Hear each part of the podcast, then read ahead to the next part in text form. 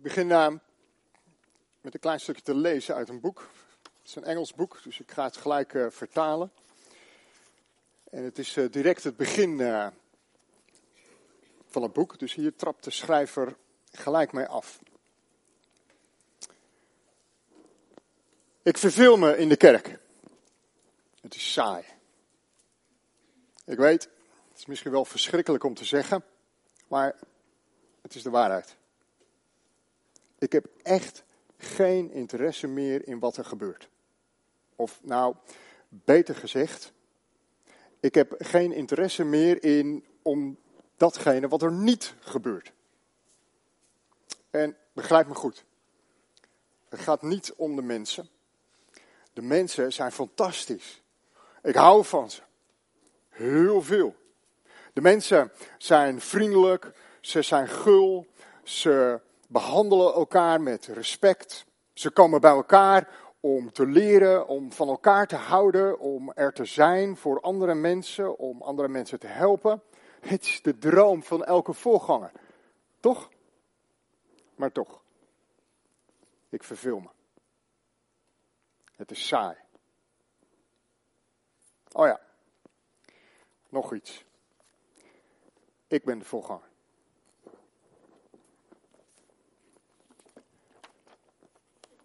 Zomaar een begin waar ik straks op terug ga. We gaan met elkaar lezen, we gaan verder in onze serie. We sluiten onze serie over identiteit in Christus af. En we lezen het laatste gedeelte van um, Romeinen 8 met elkaar. Romeinen 8, de versen 31 tot en met 33. Uh, tot en met 39, sorry. Romeinen 8, de versen 31 tot en met 39. Wat moeten wij hier verder over zeggen? Zegt Paulus dan. Wat moeten wij hier verder over zeggen? Als God voor ons is, wie kan dan tegen ons zijn? Zal Hij, die zijn eigen zoon niet heeft gespaard, maar Hem omwille van ons allen heeft prijsgegeven, ons dan met Hem ook niet alles schenken? Wie zal Gods uitverkorenen aanklagen? God zelf spreekt hen vrij. Wie zal hen veroordelen? Christus Jezus, die gestorven is, meer nog, die is opgewekt, zit aan de rechterhand van God en pleit voor ons. Wat zal ons scheiden van de liefde van Christus? Tegenspoed, ellende of vervolging, honger of armoede, gevaar of het zwaard. Er staat geschreven, om u worden wij dag na dag gedood en afgevoerd, als schapen voor de slacht. Maar wij zegevieren in dit alles glansrijk dankzij Hem die ons zijn liefde heeft bewezen.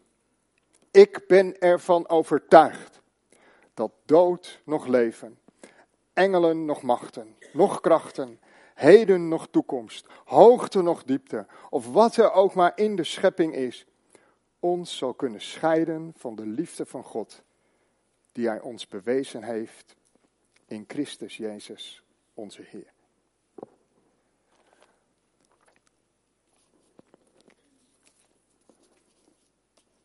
Afgelopen week kwam ik, eh, ik weet niet eens meer welke dag het was, dinsdag of woensdag denk ik, kwam ik eh, beneden van mijn werkkamer. Ik liep naar beneden om een kop koffie te halen. En toen hoorde ik notabene mezelf in de huiskamer. Ik dacht, hé, hey, wat gebeurt hier? En um, er was Patricia bezig om een preek uit deze serie terug te kijken en om daar wat aantekeningen bij te maken en uh, wat met Bible journaling te doen. Ik weet niet of jullie dat kennen, maar zij is daar groot fan van. En toen vroeg ze mij, van joh, waar ga je zondag over preken? Ik zeg nou, ik ga het afmaken. Romeinen 8, het laatste gedeelte. Het gaat over onze identiteit in Christus. Ze zegt, alweer? Ik zeg, ja, alweer. Is dat niet te veel van het goede? Nee, hoe bedoel je? Nou, leg dan in ieder geval goed uit waarom je het er alweer over gaat hebben. Dus, bij deze naast dat het goed is om door een heel hoofdstuk heen te kruipen met elkaar. En daar misschien wel tekst voor tekst voor tekst bij stil te staan. In plaats van hapsnap ergens maar een tekst vandaan te plukken en te denken, oh dat is mooi en we gaan weer verder. Naast dat het goed is om met elkaar door een heel hoofdstuk te kruipen. Is onze identiteit in Christus zo ontzettend belangrijk. Het is zo belangrijk voor ons geloofsleven, voor onze groei, voor onze groei naar Jezus toe. Weet je, daar waar anderen ons soms zo makkelijk afkraken of veroordelen of ons kritisch opzij zetten, is er in Jezus geen veroordeling meer. Daar waar wij misschien gebroken zijn door een gebrek aan acceptatie of liefde, of we misschien zelfs wel verwaarloosd zijn, verzekert de geest van God ons. Dat we Gods kinderen zijn, waardevol, geliefd, geborgen, veilig. Daar waar we hier en nu het misschien niet meer zien zitten vanwege zorgen of verdriet of ander lijden, neemt de geest van God het in ons over om te bidden, om te pleiten en om ons hoop en verwachting te geven. Dus onze identiteit in Christus is belangrijk voor ons, zodat we weten wie wij zijn. Dat we steeds weer terugkeren naar Gods beeld van ons. Onze identiteit in Christus is belangrijk, omdat dat het is waar God ons naartoe wil brengen. En ons in wil laten groeien. Heling wil schenken. Genezing wil geven. Heling, genezing van die dingen die anderen, ons, anderen over ons zeggen of over ons gezegd hebben. Van die dingen die we meemaken of meegemaakt hebben. als mensen leven we in een gebroken wereld. We leven in een gebroken wereld en we krijgen die gebrokenheid allemaal mee. We krijgen er allemaal klappen van. We lopen deuken op. We raken gebutst. We raken gewond. Of zelfs wel diep verwond. Hey, misschien word je wel bitter. Of ben je zagrijnig. En kan je alleen nog maar klagen. Of kan je alleen nog maar slachtoffer zijn. Ligt niet aan mij, maar die ander. Ik doe alles goed. Ja, maar hij. Ja, maar zij. Misschien ben je wel zo gevormd dat je jezelf alleen nog maar als slachtoffer kan zien. En precies dat wil God genezen. Precies daar spreekt God woorden van heling over ons uit. Woorden van genezing over hoe Hij jou ziet. En hoe Hij wil dat jij bent. Een afbeelding van zijn zoon. Jouw identiteit in Jezus. Weet je, het Spinksteren, dus ik kan het nu al vertellen. Ik denk dat het, ik moet even rekenen, 20, 21 jaar geleden is geweest dat ik een beeld kreeg. En eh, ik loop daar niet te pas en te onpas mee te strooien. Maar dit beeld was echt voor mij. Het was heel persoonlijk. Want ik zag mijn eigen hart. En dat hart, dat was nou zeg maar gewoon kapot gegooid in gruzelementen op, grond, eh, op de grond. Dus ik zag nog wel ergens de vorm van dat hart, maar het waren allemaal stukjes. En God liet mij zien in dat visioen dat hij het stukje voor stukje oppakte. En, en zijn handen eromheen deed. Ik moet, eigenlijk heb ik gewoon twee handen nodig, laat ik dat nou ook maar doen. Dat hij het stukje voor stukje oppakte en zijn handen er echt zo omheen deed. Dus nou ja, je ziet een hartjesvorm, toch? Een beetje. En al die brokstukken, die waren daar veilig in zijn handen. En het werd een soort van van mozaïek. Een nieuw hart, genezing. Op het moment dat het nog steeds voelde als allemaal brokstukken. Ik geloof dat God dat wil geven. Hey, en misschien wel hier en nu vandaag voor jou. Onze identiteit in Jezus is zo ontzettend belangrijk om vooruit te kunnen en om in vrijheid en in ruimte te kunnen leven. Maar weet je, om je zo over te geven aan God, om Hem zo zijn werk te mogen laten doen, dat vraagt nogal wat. Dat vraagt nogal wat van ons, dat vraagt vertrouwen. Dat vraagt vertrouwen in een God die je niet ziet. Vertrouwen in een God waar je misschien wel een heel vertekend beeld van hebt. Of vertrouwen in een God waar je misschien wel bang voor bent. En dan in die versen die we net lazen, lijkt het haast wel alsof Paulus schakelt van onze identiteit in Christus, of hij schakelt van onze identiteit naar de identiteit van God, naar wie God is. God is voor ons, schrijft hij. God is voor ons. Wie kan er dan tegen ons zijn? Als God voor ons is, ik bedoel de schepper van de hemel en de aarde, de Almachtige, de Heilige, degene die zo ver weg is, onaantastbaar en tegelijkertijd zo dichtbij en tastbaar. Als, als God zelf voor jou is. Wie kan er dan nog tegen zijn? En Jezus, schrijft hij, Jezus pleit voor ons.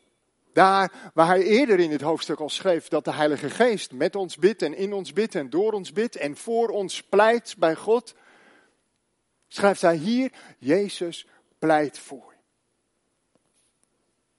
Jezus bidt met ons mee. Jezus zit aan de rechterhand van God en hij bidt voor je. Probeer, probeer het, het je eens voor te stellen. Na de hemelvaart, als Jezus terug is, thuis is, en daar zijn plek inneemt, aan de rechterhand van God, naast zijn troon, als je daar iets van een beeld van wil hebben, dan stel ik voor dat je vanmiddag openbaring 4 en 5 gaat lezen.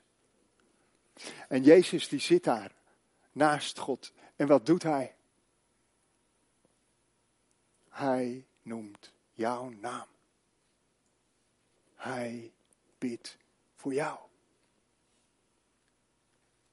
Wauw.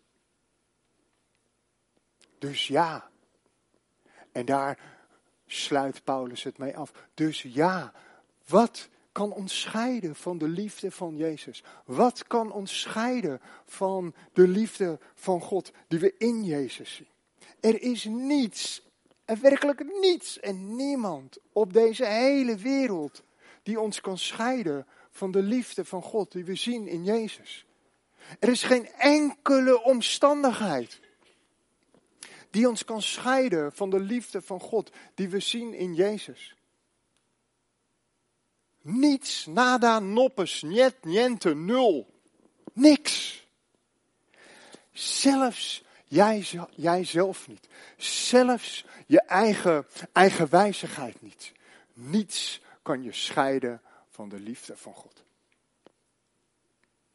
Dus je hoeft niet bang te zijn voor God.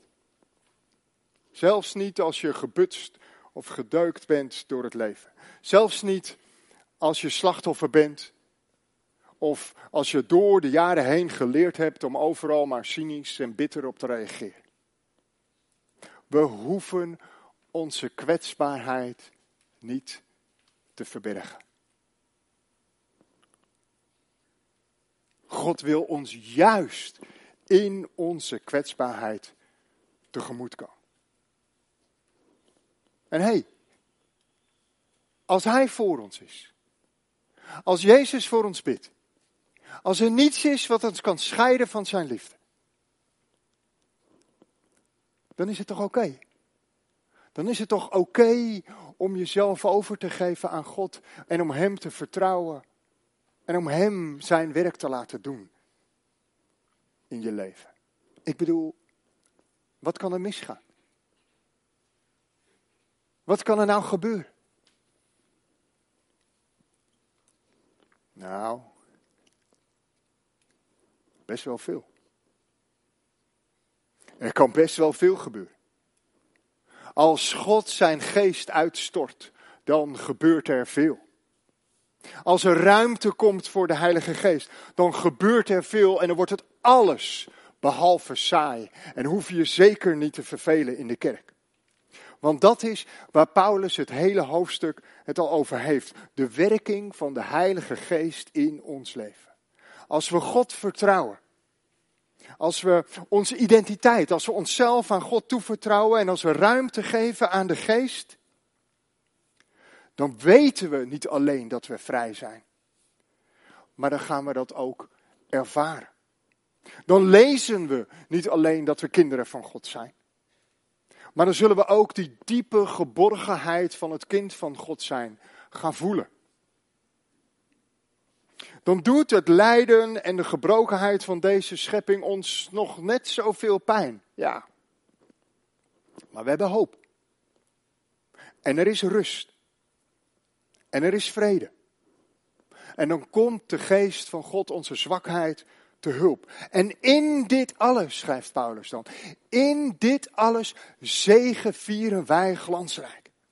Of zoals dat in de oude vertaling staat, zijn we meer dan overwinnaars. Let op, hè. hij zegt, in dit alles. Zij zegt niet van, oh, dan overkomt je niks meer. En dan gaat alles van een leien dakje. En gaat het helemaal goed. He, voorspoed all over. Nee, hij zegt, in dit alles, in die gebrokenheid van onszelf, in het zuchten van de schepping, in ons soms innerlijke strijd over wat wil ik nou wel, wat doe ik nou niet, volg ik wel de geest, ga ik niet de geest doen, doe ik toch mijn eigen zin, of laat ik me leiden door de geest, of in dit alles zegen vieren wij glansrijk. Glansrijk. Dus niet met de hakken over de sloot. De examens zijn geweest, ik kan het nu weer zeggen. Dus niet net met die 5,5 je diploma halen. Ook al is het diploma hetzelfde. Nee, zegt Paulus, we zegevieren glansrijk. We zijn meer dan overwinnaars. En als we kijken hoe dat gegaan is in handelingen, dan zien we de volgelingen van Jezus. We zien de volgelingen van Jezus tien dagen lang wachten en bidden. Niet alleen wachten, maar verwachten. Ze bidden niet van, nou ja, we zien wel wat er gaat gebeuren en toe maar. Nee, ze verwachten iets van God. Want Jezus had ze wat beloofd. Dus ze bidden verwachtend. Bidden wij nog? Ja, verkeerde vraag natuurlijk. Tuurlijk bidden wij nog. We zijn een kerk. Tuurlijk bidden we. Maar bidden we met verwachting? Of als je op zondag gaat, is het haasje, repje om net op tijd uit bed te komen en alle kinderen klaar te krijgen en hier te zijn en denken van, ah, ik zit hier. Of is er nog iets van verwachting? Ja, we gaan naar de kerk. Nou, we gaan naar de kerk. Ja, we gaan naar de plek, want God is daar. Ja, het is weer zondagochtend. Ik ga naar die plek om God te ontmoeten.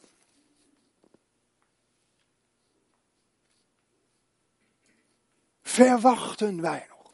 Verwachten we dat God leeft en dat Hij in ons midden is en dat Hij iets wil doen? Hier en nu. In de gemeente, persoonlijk, in jouw leven. hey, en misschien, zoals dat bij mij jaren terug was, is je hart of je leven, ligt dat ook in gruzelementen? Is er de hoop en de verwachting en het verlangen dat God dat kan aanraken en weer heel kan maken? Als we kijken naar handelingen, dan zijn de volgelingen van Jezus tien dagen lang bij elkaar om te bidden, om te verwachten, om verwachtend te bidden. En dan gebeurt het. Dan gebeurt het. Dan geeft God zijn Heilige Geest. En Petrus, Petrus, die was natuurlijk al haantje de voorste. Maar nu staat hij op als de leider van het spul. En Petrus leidt. Petrus leidt met lange ei en met korte ei. Petrus leidt. Maar hij leidt vol van de Heilige Geest. En Filippus, Filippus is vol van de Heilige Geest en hij legt het evangelie uit aan de Samaritanen. De Samaritanen. Maar hij legt ze het evangelie uit. En wat denk je, warempel? Ze komen tot geloof. En hij doopt ze. En ze mogen de Heilige Geest ontvangen. En Filippus, vol van de Heilige Geest, legt het evangelie uit aan die Ethiopiër die op weg is terug naar huis. En wat denk je? Hij komt tot geloof. En hij laat zich dopen. En Saulus, Saulus is vol van woede en wraak en vervolging. Maar hij wordt letterlijk in zijn nekvel gegrepen. En vol van de Heilige Geest spreekt hij over Jezus en deelt hij het evangelie over landsgrenzen heen. En dan die langste toespraak in het boek Handelingen. In die langste toespraak in het boek Handeling, in hoofdstuk 7, leren we Stefanus kennen. En Stefanus is vol van de Heilige Geest. Hij is alles behalve tactisch, maar hij is vol van de Heilige Geest en hij legt zijn vinger op de zere plek. Om uiteindelijk als overwinnaar te sterven. En in dat moment Jezus ziet staan aan de rechterhand van God. Weet je, soms zijn we als kerk geneigd om te stoppen bij Pasen. Hey, kerst is een fantastisch feest. God wordt mens en we versieren alles. En we vieren het uitgebreid. Pasen, Pasen is nog mooier. Want Jezus is overwinnaar. Hij heeft de dood verslagen. En in hem en door hem hebben wij een eeuwige bestemming gekregen. En elke keer als we avondmaal vieren op zondag of in de kring, dan vieren we dat. Dan herdenken we dat. Dan staan we stil bij Jezus lijden en sterven en zijn overwinning over de dood. En dan lijkt het wel eens te stoppen. Als, alsof het leven ophoudt bij het lege graf. Alsof een, tussen aanhalingstekens, een ticket naar de hemel genoeg is. Nee. Dan begint het leven pas.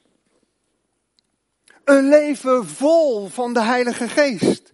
Een leven beheerst door de Heilige Geest. Een leven van groeien, van snoeien, van bloeien. Een leven wat diep doortrokken is van een verlangen naar Jezus. Een leven van geestelijke gaven en daarin oefenen en ze uitvoeren tot opbouw van de gemeente en tot eer van Gods naam. Een leven van vrucht, van interne verandering, van binnenuit. Dat je hart groter wordt en mooier wordt. En dat je liefdevoller wordt en geduldiger wordt. En blijder wordt en verdraagzamer wordt. En nou ja, er zijn nog veel meer vruchten van de geest. Een leven onder leiding van de Heilige Geest. Diep doortrokken van een verlangen om dicht bij Jezus te zijn. Om steeds dichter naar Hem toe te gaan. En om steeds dichter naar Hem toe te groeien. En dat, dat is alles. Behalve saai. Daar hoef je je niet te vervelen.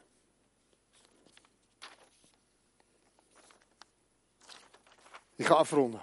Ik wil vragen of de band al weer naar voren wil komen.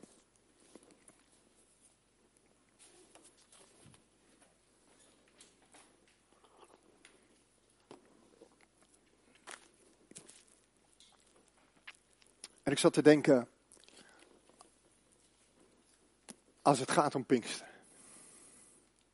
Als het gaat over de uitstorting van de Heilige Geest. Als het gaat over de geboorte van Gods gemeente, want daar lezen we over in Handelingen 2. Wat is dan mijn verlangen?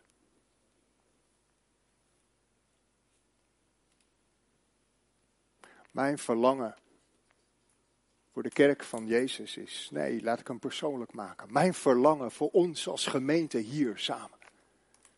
Mijn verlangen is dat we vol zullen zijn van de Heilige Geest. Mijn verlangen is dat we in het midden van de gemeente wonderen mogen zien van God. Dat er genezing zal zijn. Lichamelijk, ja. Maar ook innerlijk, emotioneel. Mijn verlangen is dat we in het midden van de gemeente herstel mogen zien.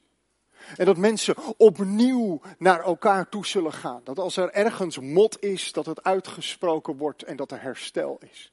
Of dat nou binnen een huwelijk is, of dat dat buiten een huwelijk is. Mijn verlangen is dat we zo diep geraakt zullen worden door de heiligheid van God. Dat we ons zullen verootmoedigen voor God. En open en eerlijk zullen vragen, Heer, zijn er dingen waar ik me van moet bekeren? Laat het me zien en dan doe ik dat. En mijn verlangen is dat we zo vol zullen zijn van de Heilige Geest. Dat we zo dicht bij Jezus zullen leven. Dat we het echt niet voor onszelf kunnen houden. Maar dat overal waar we gaan of staan, te pas en te onpas, mensen zullen weten dat wij volgelingen van Jezus zijn. Dat wij volgelingen zijn van degene die ons gered heeft. Dat we mensen zijn van Gods aanwezigheid. En dat als iemand vraagt, hey, zou Alphen aan de Rijn er iets van merken als Bab Noord niet meer bestaat?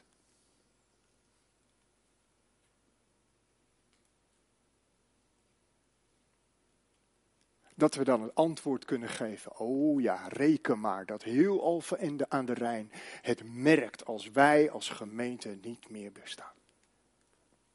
En we hebben het gehoord. Bij de kinderen al.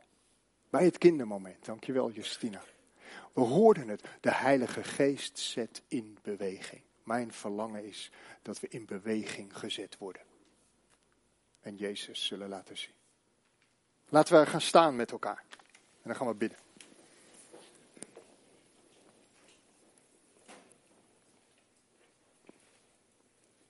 Vader in de hemel, wat is dit spannend? Heer, wat is dit spannend, omdat we allemaal misschien wel in ons hoofd hebben, ja maar en zus en dit en alsjeblieft niet charismatisch en pas je op en Heer, ik bid voor ons als we hier staan als uw gemeente. Dat ons vertrouwen in u mag toenemen, mag groeien elk moment van de dag weer. Vader, en ik bid dat we vanuit ons vertrouwen in U onszelf voor het eerst op opnieuw mogen overgeven aan U. En U de leiding mogen laten nemen in ons leven. Vader, ik bid dat we vol zullen zijn van Uw Heilige Geest. En dat Uw Heilige Geest precies datgene zult aanraken wat nodig is in ons leven. Persoonlijk. En Heer, als gemeente, als collectief bid ik dat we vol van de geest de weg zullen bereiden in deze plaats, in onze omgeving. En dat vele mensen tot geloof in U zullen komen. In Jezus' naam bidden we dat. Amen. We zingen Waymaker en blijf rustig, uh, rustig staan.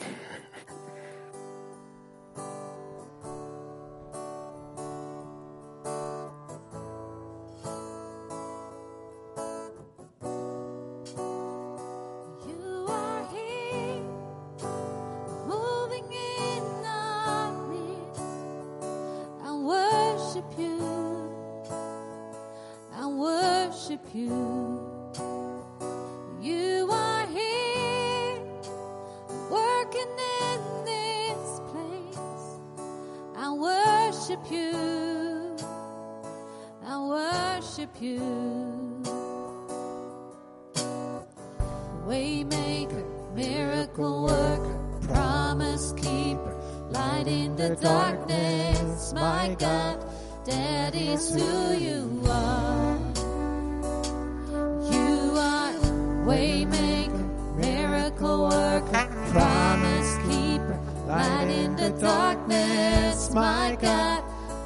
Is who you are. You are here, touching every heart. I worship you. I worship you. You are here, healing every heart. I worship you. I worship you.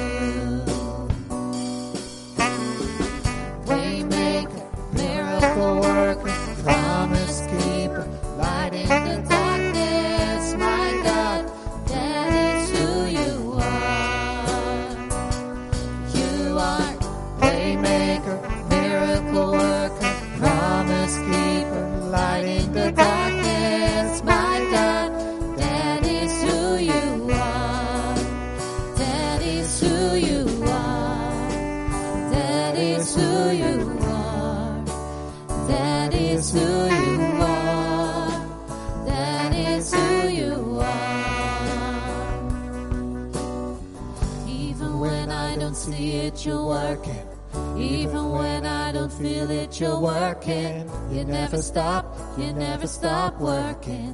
You never stop, you never stop working. Even when I don't see it, you're working.